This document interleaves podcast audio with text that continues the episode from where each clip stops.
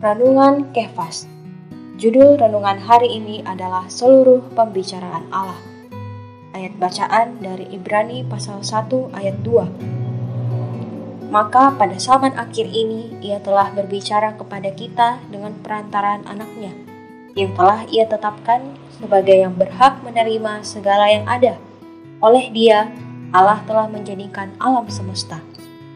Sobat Kefas, Allah telah berbicara dan hari ini Allah masih berbicara. Ada banyak perkara dalam pembicaraan Allah. Hari ini Allah berbicara kepada kita di dalam putra dalam Ibrani pasal 1 ayat 1 sampai 2. Pembicaraan Allah dalam perjanjian baru terjadi secara inkarnasi. Pembicaraan Tuhan Yesus adalah pembicaraan Allah di dalam anak manusia dalam empat kitab Injil dalam kitab kisah para rasul, surat-surat kiriman, dan kitab wahyu.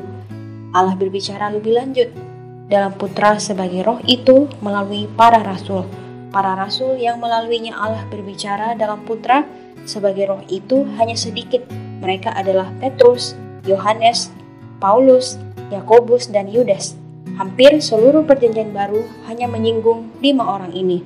Pengajaran para rasul adalah seluruh pembicaraan Allah dalam Perjanjian Baru.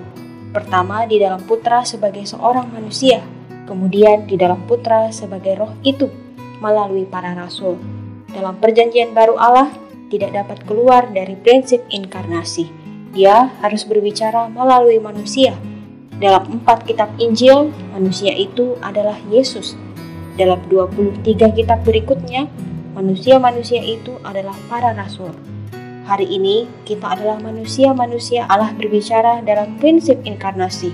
Sobat Kefas, pengajaran para rasul adalah isi dari Injil penuh Allah.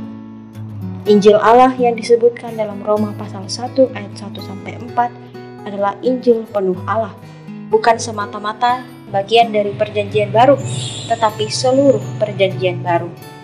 Terang hari ini Pembicaraan Allah di dalam Putra sebagai manusia dalam keempat kitab Injil.